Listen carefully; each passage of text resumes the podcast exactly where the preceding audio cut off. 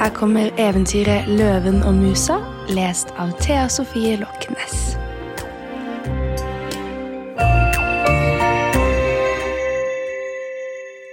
En løve lå en dag og sov i løvehulen sin da en liten mus forvillet seg inn til den og krøp rett over nesen hans.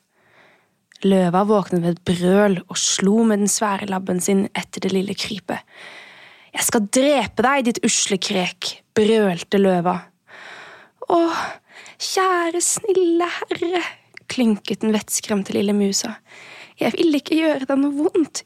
Ingenting var fjernere fra tankene mine enn å forstyrre Deres Majestet. Åh, vær så snill og spar livet mitt, for, for jeg har ikke engang fortjent at du snakker til meg.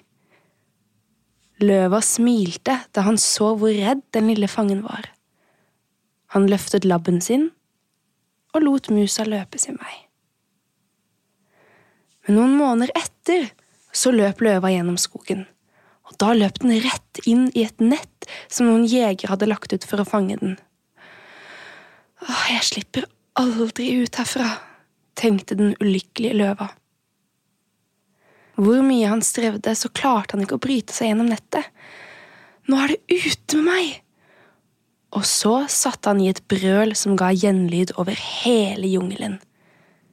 Den lille musa, som løp omkring og var opptatt med sitt, kjente løva på stemmen. Den tenkte på at løva hadde spart livet til den en gang, og nå løp den av gårde etter lyden for å se om det var noe den kunne hjelpe med. Og uten å kaste bort et sekund begynte musa å bite over nettet rundt løva. Og før jegerne kom for å se etter det, var løva fri.